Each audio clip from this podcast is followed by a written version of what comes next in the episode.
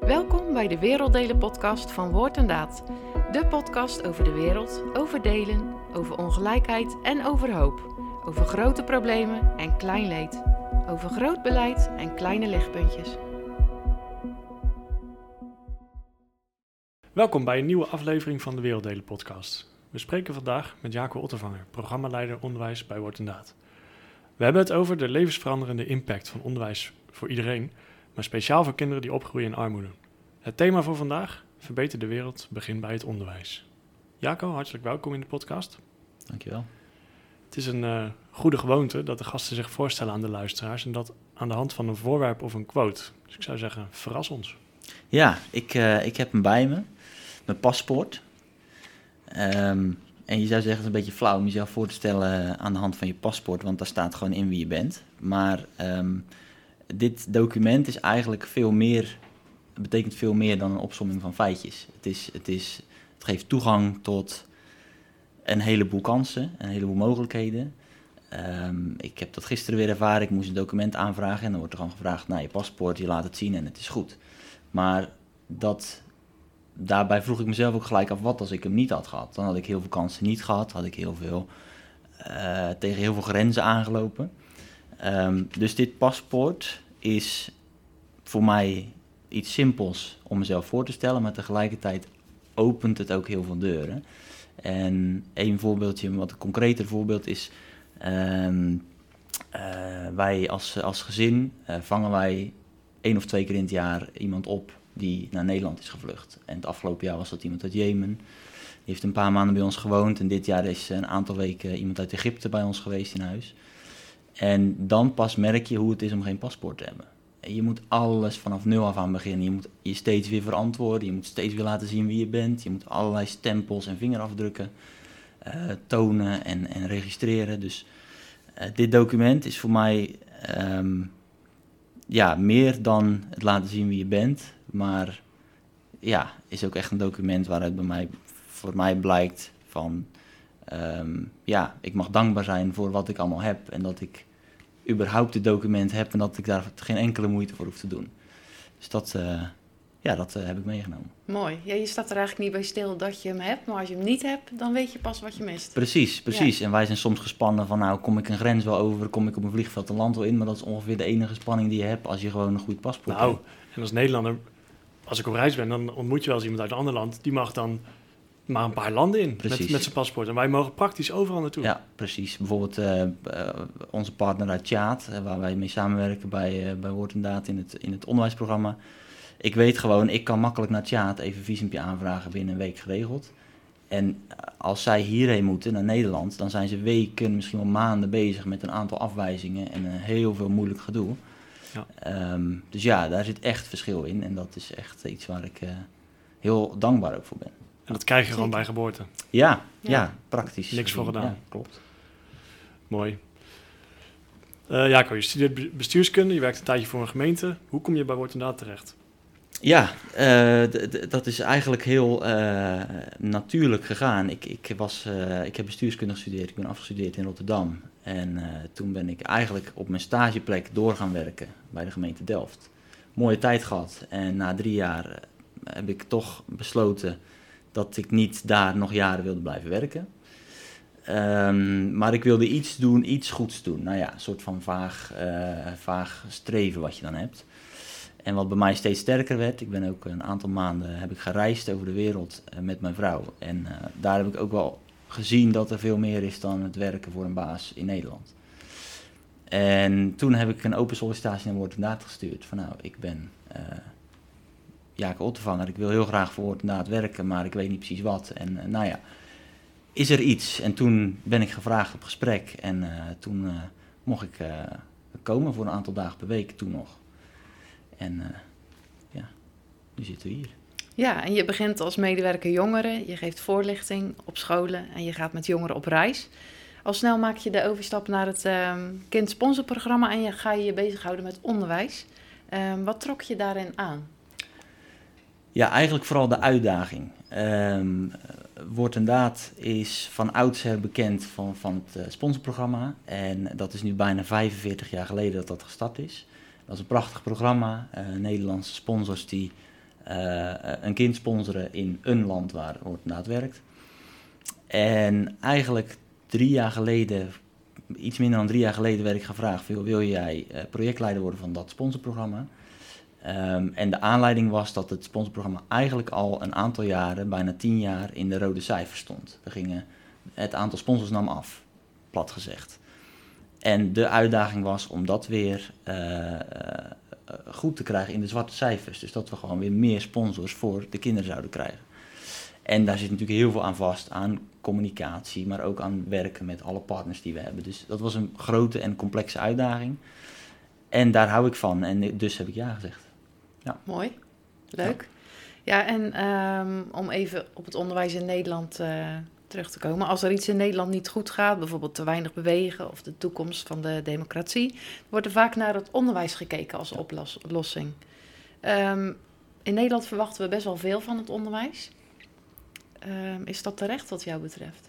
Of hoe kijk je ernaar? Ja, het, het is denk ik terecht. als het maar niet het enige is waar we het van verwachten. Um, want uh, wij, wij, wij zeggen ook, ook in de landen waar wij werken, met een interventie haal je het niet. Uh, kinderen naar school krijgen is één ding, maar dan moet het ook op school goed zijn. En de ouders moeten goed betrokken zijn en de overheid moet zorgen voor een goed, een goed leerklimaat en een goed systeem voor het opleiden van leraren, et cetera. Dus er zitten enorm veel um, uh, facetten eigenlijk aan het onderwijs. Eh, waarmee je ook zo'n statement als hè, alles begint bij het onderwijs, dat is wel waar. Maar er zijn ook heel veel randvoorwaarden. En de belangrijkste die ik eigenlijk kan noemen, zijn er heel veel, maar de belangrijkste is denk ik toch ook betrokkenheid van ouders. Ook, vooral ook in Nederland. Je kan je hele onderwijssysteem goed optuigen, maar als ouders thuis niet in staat zijn om hun kinderen daarin te begeleiden, dan kun je een heleboel recht trekken op een school, maar Um, nou, dat is dus een van die randvoorwaarden die zeker meespeelt. Maar hoe, kan je dit uitleggen? Want in hoeverre is, zijn ouders, kunnen ouders een belemmerende factor spelen dan? Nou, als, we, als je bijvoorbeeld denkt aan, hè, als het op school gewoon prima gaat, maar als een kind dan uit school naar huis gaat waar het niet veilig is, waar een kind uh, in een onveilige situatie thuiskomt, misschien is het beter om bijvoorbeeld uit uh, Colombia te nemen. Maar dat kan ook zeker gelden voor Nederland. Uh, in, in Colombia weten we dat de kinderen die in ons sponsorprogramma zitten, ehm, thuis vaak heel moeilijke situaties hebben. Uh, vader is er vaak niet, of is overleden in de burgeroorlog, of is verslaafd, of nou, allerlei problematieken. En dan is onderwijs op school dus niet het enige antwoord op problemen, maar dan is ook begeleiding van ouders of betrokkenheid van ouders bij, bij de school is heel belangrijk. Ja, helder. Dus nou ja, en dat geldt ook voor Nederland. Zeker, ja. En wordt inderdaad zet al lange tijd in op onderwijs, als, ook als manier om uit armoede te ontsnappen. Is dat effectief?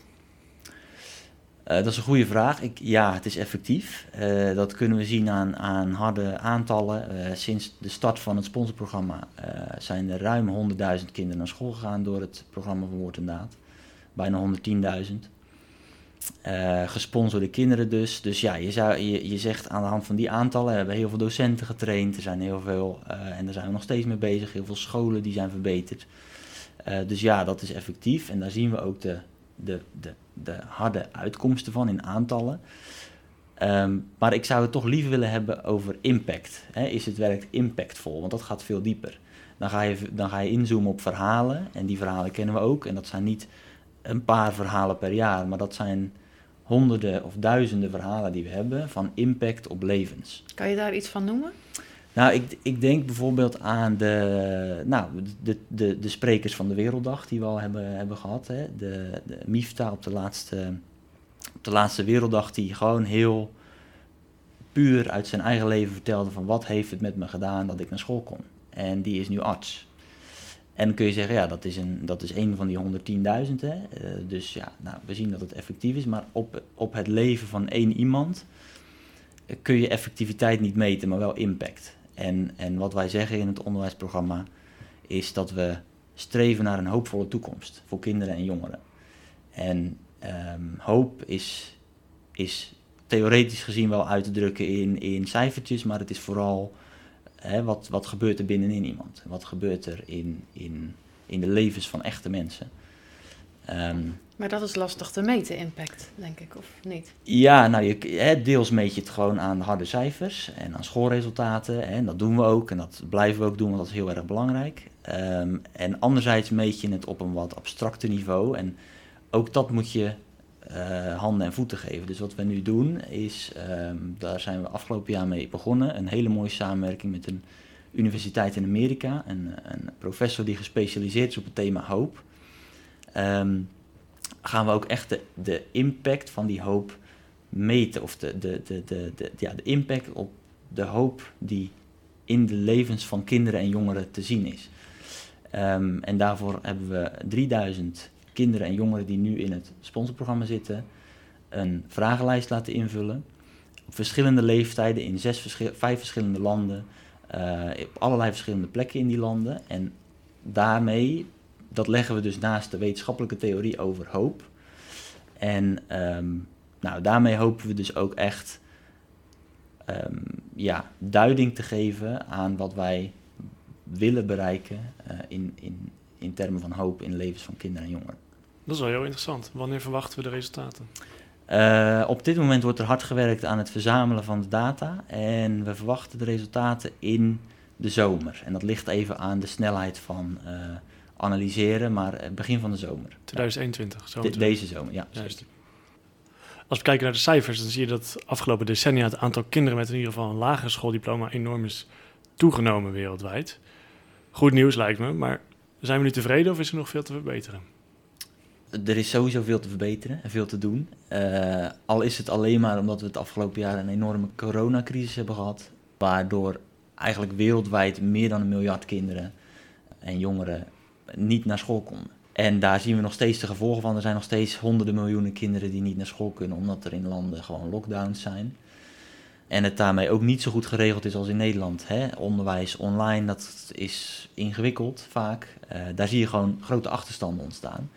Maar het tweede is, ook al was die coronacrisis er niet geweest, dan nog is er veel te doen. Want uh, het, het, kinderen naar school krijgen is niet het antwoord op alles. Hè? Die school moet goed zijn, moet een goede en veilige omgeving zijn. Uh, de docenten op die school moeten goed zijn.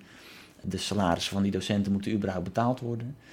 Een overheid moet een, een ondersteunend leerklimaat kunnen bieden. Vaak heb je een ministerie van Onderwijs in een land in de landen waar wij werken die maar matig of heel slecht functioneert. Nou, dat zijn allemaal dingen die echt nog veel beter moeten en kunnen en waar we ons als woord ook echt toe geroepen voelen om die verbetering uh, uh, ja, na te streven. Maar heb je ook toegang tot die uh, ministeries van onderwijs bijvoorbeeld in diverse landen? Ja, in een aantal landen wel. tegelijkertijd is dat heel lastig. Ja. En ja, er zijn natuurlijk ook landen waar je daarin in heel voorzichtig moet zijn. welke samenwerkingen ga je aan en welke niet. Maar een heel mooi voorbeeld wat we nu, uh, waar we nu hard mee aan het werk zijn, is de overheid van uh, Guatemala.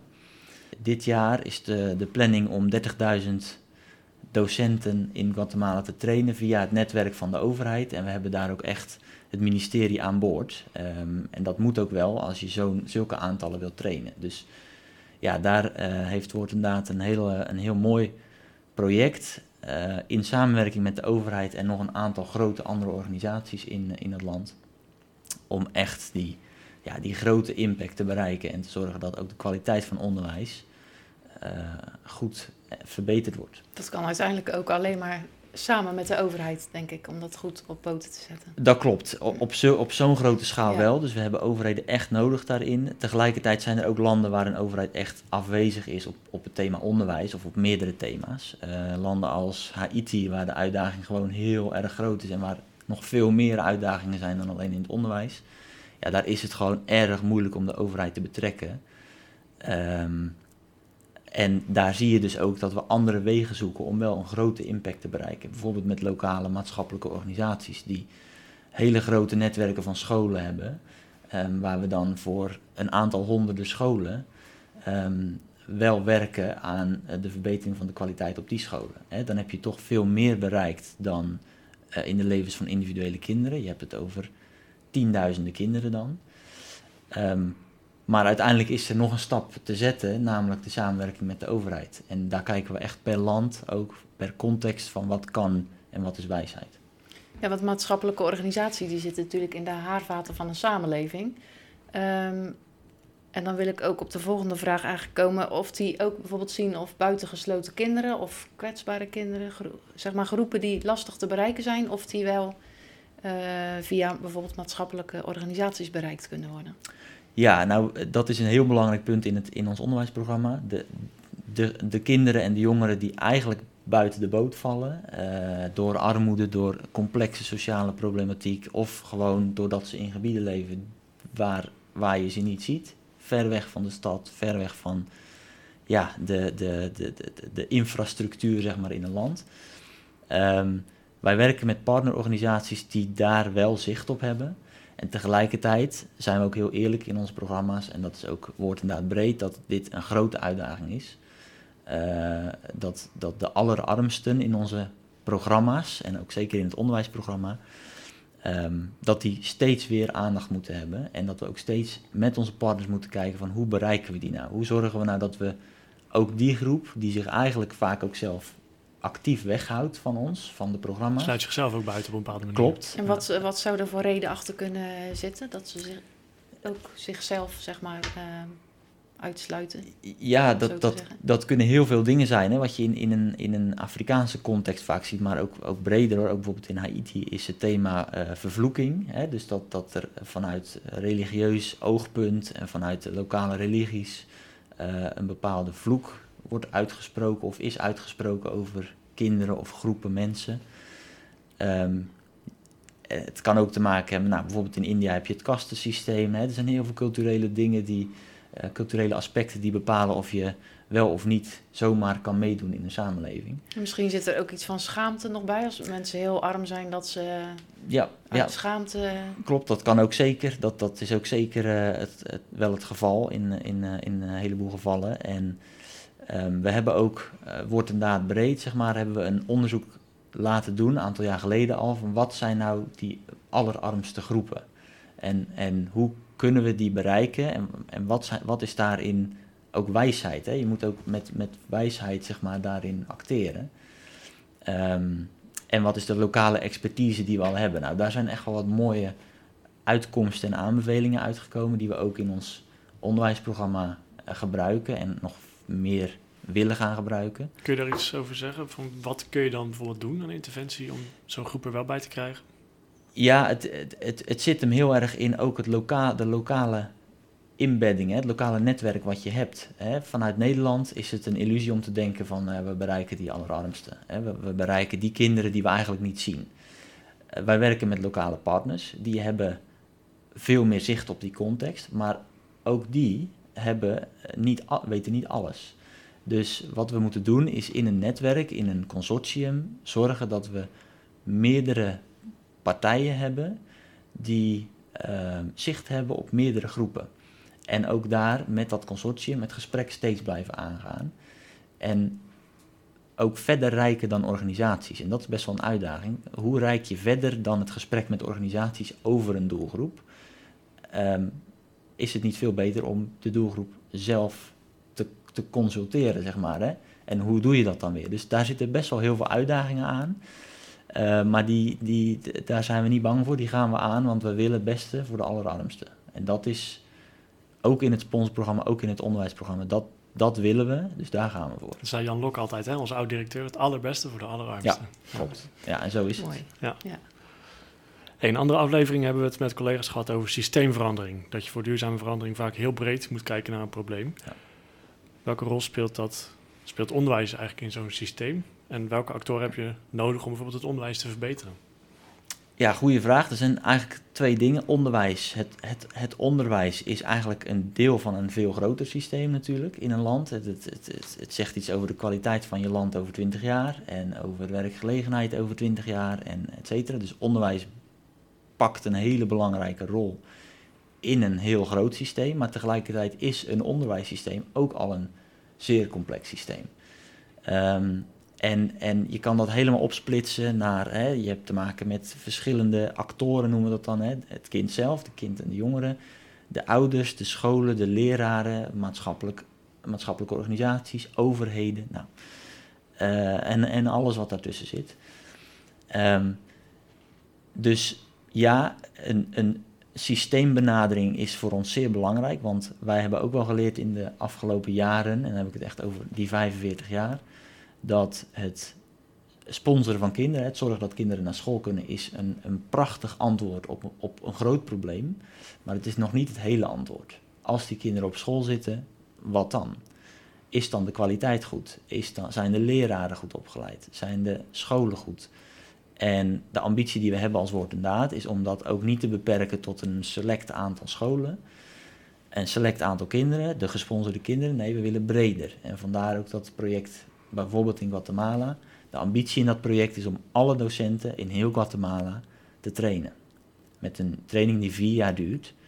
Ehm, en dus ook indirect een enorme hoeveelheid aan kinderen bereiken. En een enorme boost geven aan de kwaliteit van onderwijs in dat land. Heel mooi voorbeeld. Even over een hele andere boeg. Hoe kijk je terug op je eigen schooltijd? Ja, ehm, dat is uh, inderdaad een hele andere boeg. Uh, ik kijk zelf heel leuk terug op mijn eigen schooltijd.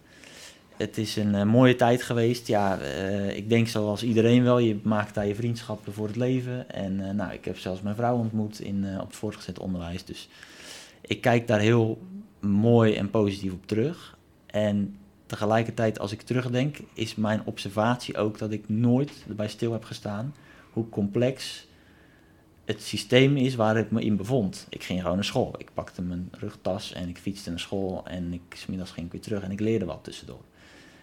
En daar heb ik zelf nooit zo bij stilgestaan, die tijd dat ik daar zat, dat de docenten die voor de klas stonden waren goed getraind. De docenten waren ook toegerust om uh, hun identiteit te delen en de, de christelijke waarden en normen uh, waar, waar, waaruit hun bestaan was opgebouwd, zeg maar, en, en waar, waar ook de school achter stond. Zij waren daarvoor toegerust. Uh, de school was een mooie en veilige omgeving en ook er is een prachtig ministerie van onderwijs met allerlei curriculums die ze ontwikkelen, toetssystemen. Nou, ik, ja goed, ik kan hier een half uur over doorgaan, maar het is in Nederland in principe heel goed geregeld. Ja. Uitzonderingen daar gelaten, die zijn er altijd, maar het, het niveau van onderwijs in Nederland is gewoon echt heel mooi. Mooi. Ja, we kunnen al een tijdje niet reizen, maar um, voor die tijd heb je veel partners ontmoet en uh, ben jij een kijkje in de keuken gekregen. Wat kunnen we van hen leren? Ja, dat, dat, dat raakt ook wel aan het punt wat ik net noemde over uh, identiteit. Ik, ik, ik vind het altijd heel bijzonder om te zien hoe uh, onze partners, en dat geldt echt van, van oost naar west, van, van de Filipijnen tot Guatemala, en alles ertussenin, al onze partners die, die iets met onderwijs doen, zijn gedreven vanuit een identiteit, vanuit de, de gezamenlijke waarden die we hebben, namelijk de liefde van God voor in dit geval de kinderen en de jongeren. En dat is echt, uh, ja, dat, dat doet mij steeds weer wat. Als je, als je, het, ik, heb, ik ben in Colombia geweest, in Tjaat, in de Filipijnen, in nou, nog een aantal landen waar, waar je dat gewoon steeds weer terugziet. En dat is iets universeels. Dat, je hebt heel veel contextuele verschillen en, en verschillen tussen landen. Nou, dat is denk ik duidelijk, maar dat is de basis waar je op terugvalt. En dat is ook gelijk je, je, de gezamenlijkheid die je ervaart ook al ik, kom ik als Nederlander in, in hun land, in hun context, in hun expertise. Ehm, dat is wat je bindt. En dat is echt uh, heel mooi. Gaat over grenzen heen. Ja, zeker. Ja, klopt. Mooi. En heb je ook nog een verhaal dat je is bijgebleven van bijvoorbeeld een, uh, ja, een leerling of een kind in een van onze programma's? Ja, zeker. Ja, meerdere. En eigenlijk eentje wat, ah, het is eigenlijk helemaal geen mooi verhaal, maar het is wel een verhaal wat me is bijgebleven. Dus ehm, ja, dat wil ik dan toch delen. Um, het was in Colombia. En wij waren, ik was met een groep jongeren uh, van um, het Hoornbeek in Gouda, was ik op reis naar Colombia. En we hadden een heleboel scholen bezocht, een, hele, een heleboel kinderen en jongeren gezien en gesproken. Het was een hele mooie reis al. En uh, de gewoonte is dan om op zaterdag een uh, medical outreach te doen. Dus een, eigenlijk het voorzien van medische zorg aan een wijk of een, buurt waar ja, eigenlijk helemaal geen toegang is tot medische zorg. En dat doet onze partner dan ook. En wij waren daar en ik liep daar met een aantal van die studenten en opeens zie ik twee uh, kinderen staan. Een meisje van, ik denk, acht jaar en een jongetje van vijf. En dat was een broertje en zusje. En die stonden daar maar. En zij had een rugtasje onder haar arm. En eh, een, een hele mooie rode jas had ze aan. Dat, dat vergeet ik nooit meer. En zij stonden daar. En ik zag ze en ik liep door. Want ja, er waren heel veel kinderen. En, en op een gegeven moment zag ik ze weer. Lag ze in de tandartsstoel van, van onze partnerorganisatie. Die, die gaven dus ook wat mondzorg aan, aan, aan de mensen in die wijk. En, en ze had haar rugzakje helemaal vastgeklemd. En ze was enorm hard aan het huilen en ze, ze durfde helemaal niks meer. Ze lag helemaal verstijfd en ze durfde niks meer. En ja, we wisten allemaal niet wat we moesten doen. Zelfs de, de mensen van onze partnerorganisatie, die hadden zoiets van, wat, wat moeten we hiermee? Want dit meisje roept om hulp, maar er is geen hulp. Want haar ouders, dat bleek dus haar ouders, waren allebei overleden. Zij zorgde voor haar broertje. Uh, als klein meisje dus nog. Zij zorgde voor haar broertje en zij liep door die wijk. En ze, ja, zij hadden alleen elkaar. En zij, ja, hoe zeg je dat? Zij bestonden gewoon, maar er was niemand die, die, die aan hun dacht. En dat vond ik wel echt wel heftig, dat je denkt, ja, dit komt gewoon nog voor. Uh, en zij zijn echt niet de enige. Nee. En dan is het mooi dat je met zo'n partnerorganisatie uh, wat kan bieden, hè? zorg. En ze zijn natuurlijk, ze, we hebben gesprekken, er zijn gesprekken met die kinderen gevoerd. Je moet daar natuurlijk uh, de expertise voor hebben en die heeft onze partner gelukkig daar. Maar dan nog, het feit dat het gebeurt, en het feit dat je weet dat dit niet de enige twee kinderen zijn die dit overkomt, uh, dat is gewoon wel heftig. Dat is echt onvoorstelbaar eigenlijk. Ja. dat raakt je echt uh, ja. heel diep, denk ik zo maar eens. En dan, dan is het gewoon, hè, de, de, de, het mooie hieraan is dat je weet dat er, uh, dat er iets aan te doen is. In de zin van je kan die kinderen begeleiden en, en onderwijs bieden. En dat, het is ook mooi dat we ze zijn tegengekomen met, met onze partner. En tegelijkertijd ja, je vraagt je af waarom. Hè? ja, uh, hoe, hoe kan dit? En dan is ook de enige, uiteindelijk de enige oplossing ook gewoon om te bidden. Ook met die kinderen. En dat is dus ook gebeurd. En ook voor die kinderen daarna nog. Uh, ja, gebed is daarin ook heel krachtig. En, en tegelijkertijd, ja. Uh, ja, ook gewoon het, het creëren van oplossingen. Voor, ook voor deze kinderen. Ja, dat is wel een heftig verhaal, ja. ja. Maar waren deze kinderen al bekend bij de lokale partner? Nee, nee, dit was echt een wijk waar ze ook voor het eerst waren. Okay. Dus dat doen ze eigenlijk vaker, dat ze gewoon een hele nieuwe wijk inrijden. Contact met de lokale overheid. En rijden ze met een aantal auto's die wijk in met allerlei spullen. En dat wordt heel mooi en goed gecoördineerd. En, en uh, met ook in samenspraak met lokale, het lokale gezag, zeg maar. Maar goed, dan kom je dus mensen tegen die je nog nooit bent tegengekomen en nee. dus in zulke situaties zitten. Je hebt zelf ook een uh, dochtertje, ben je daardoor ook anders gaan kijken naar dit werk? Uh, ja, dat dochtertje was toen, toen heel jong nog, toen ik dat zag. En dat heeft misschien ook wel meege, meegespeeld. Mijn dochtertje was toen een paar weken oud toen ik uh, deze twee kinderen in Colombia zag. Um, ja, dat, dat, dat zorgt er wel voor dat je nog, dat, dat het nog wat dieper raakt of zo. Hè? Je wordt er nog wat feller op van, oké, okay, ik, ik, uh, hoe, hoe gaan we dit te lijf, zeg dit maar. Dit kan hè? toch niet bestaan? Nee, ja. precies. En, en het is heel mooi dat er dus uh, oplossingen zijn, dat we programma's hebben. Um, en tegelijkertijd dus het hebben van een kind werkt daarin wel, uh, vind, vind ik wel. En tegelijkertijd ben ik daar, daarom dus ook zo dankbaar dat, dat in Nederland, dat wij als gezin wel kunnen ja, terugvallen op een heleboel dingen. En ja. kunnen zorgen voor ons kind. En dat, dat is dus ook echt iets om dankbaar voor te zijn. En niet iets wat, je, wat logisch is. Nee. Ze definiëren armoede natuurlijk wel eens in financiële termen, maar het wordt ook wel eens geduid als het gebrek aan een vangnet. Hè?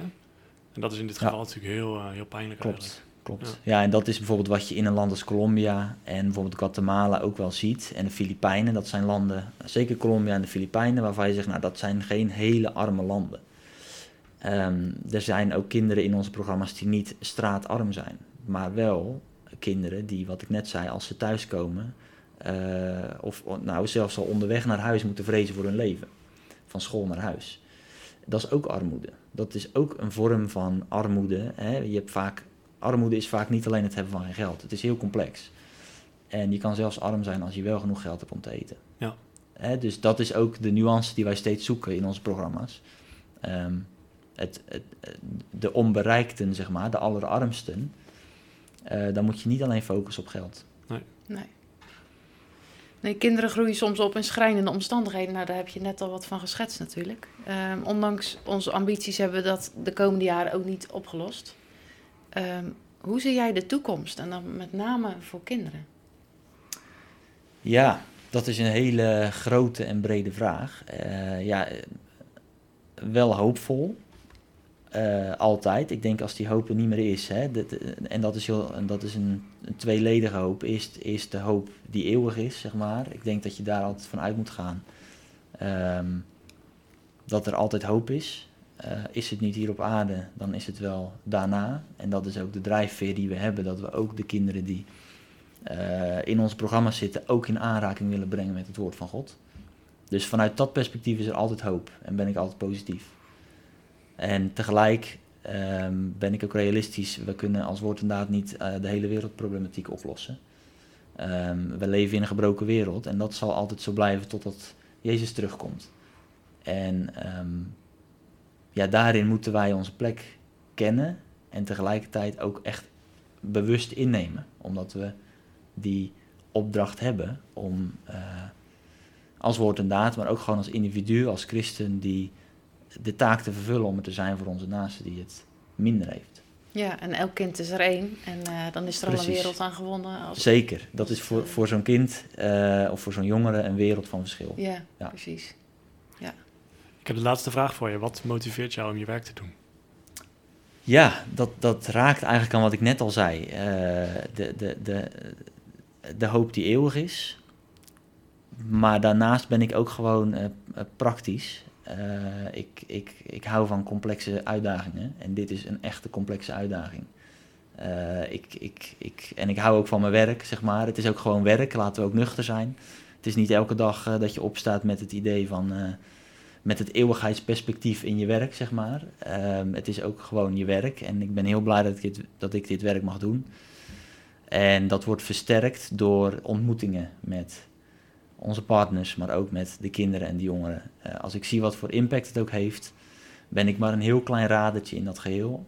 Uh, en we zijn allemaal maar hele kleine radertjes, maar als al die radertjes blijven draaien, ja, dan uh, kunnen er hele mooie dingen gebeuren. Zeker. Mooi, dankjewel. Dankjewel. Graag gedaan. Bedankt dat je luisterde naar deze podcast. Heb je vragen of suggesties voor de volgende aflevering? Neem contact op via podcast.woordendaad.nl. Over twee weken zijn we er weer. Tot dan!